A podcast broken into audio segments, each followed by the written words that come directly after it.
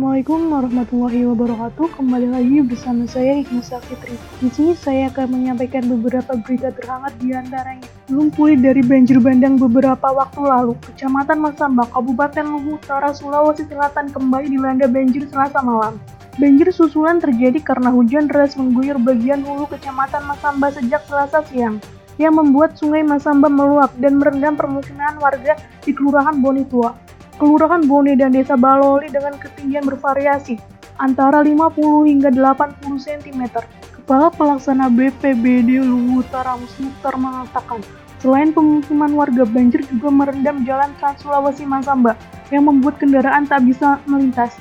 Muslim mengatakan di sejumlah titik pemukiman warga terendam hingga 1 meter, yang membuat warga mengungsi ke tempat yang lebih aman. Banjir yang terjadi saat ini merupakan banjir susulan setelah sebelumnya pada tiga pekan lalu diterjang banjir setinggi 2 meter yang membawa material berupa pasir bercampur kayu.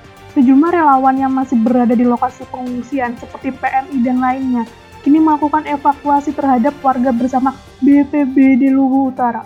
Pantauan di lokasi, banjir yang sudah meluap sejak selasa petang membuat warga panik dan berlarian menjauh dari area sekitar sungai untuk menghindari hal yang tidak diinginkan.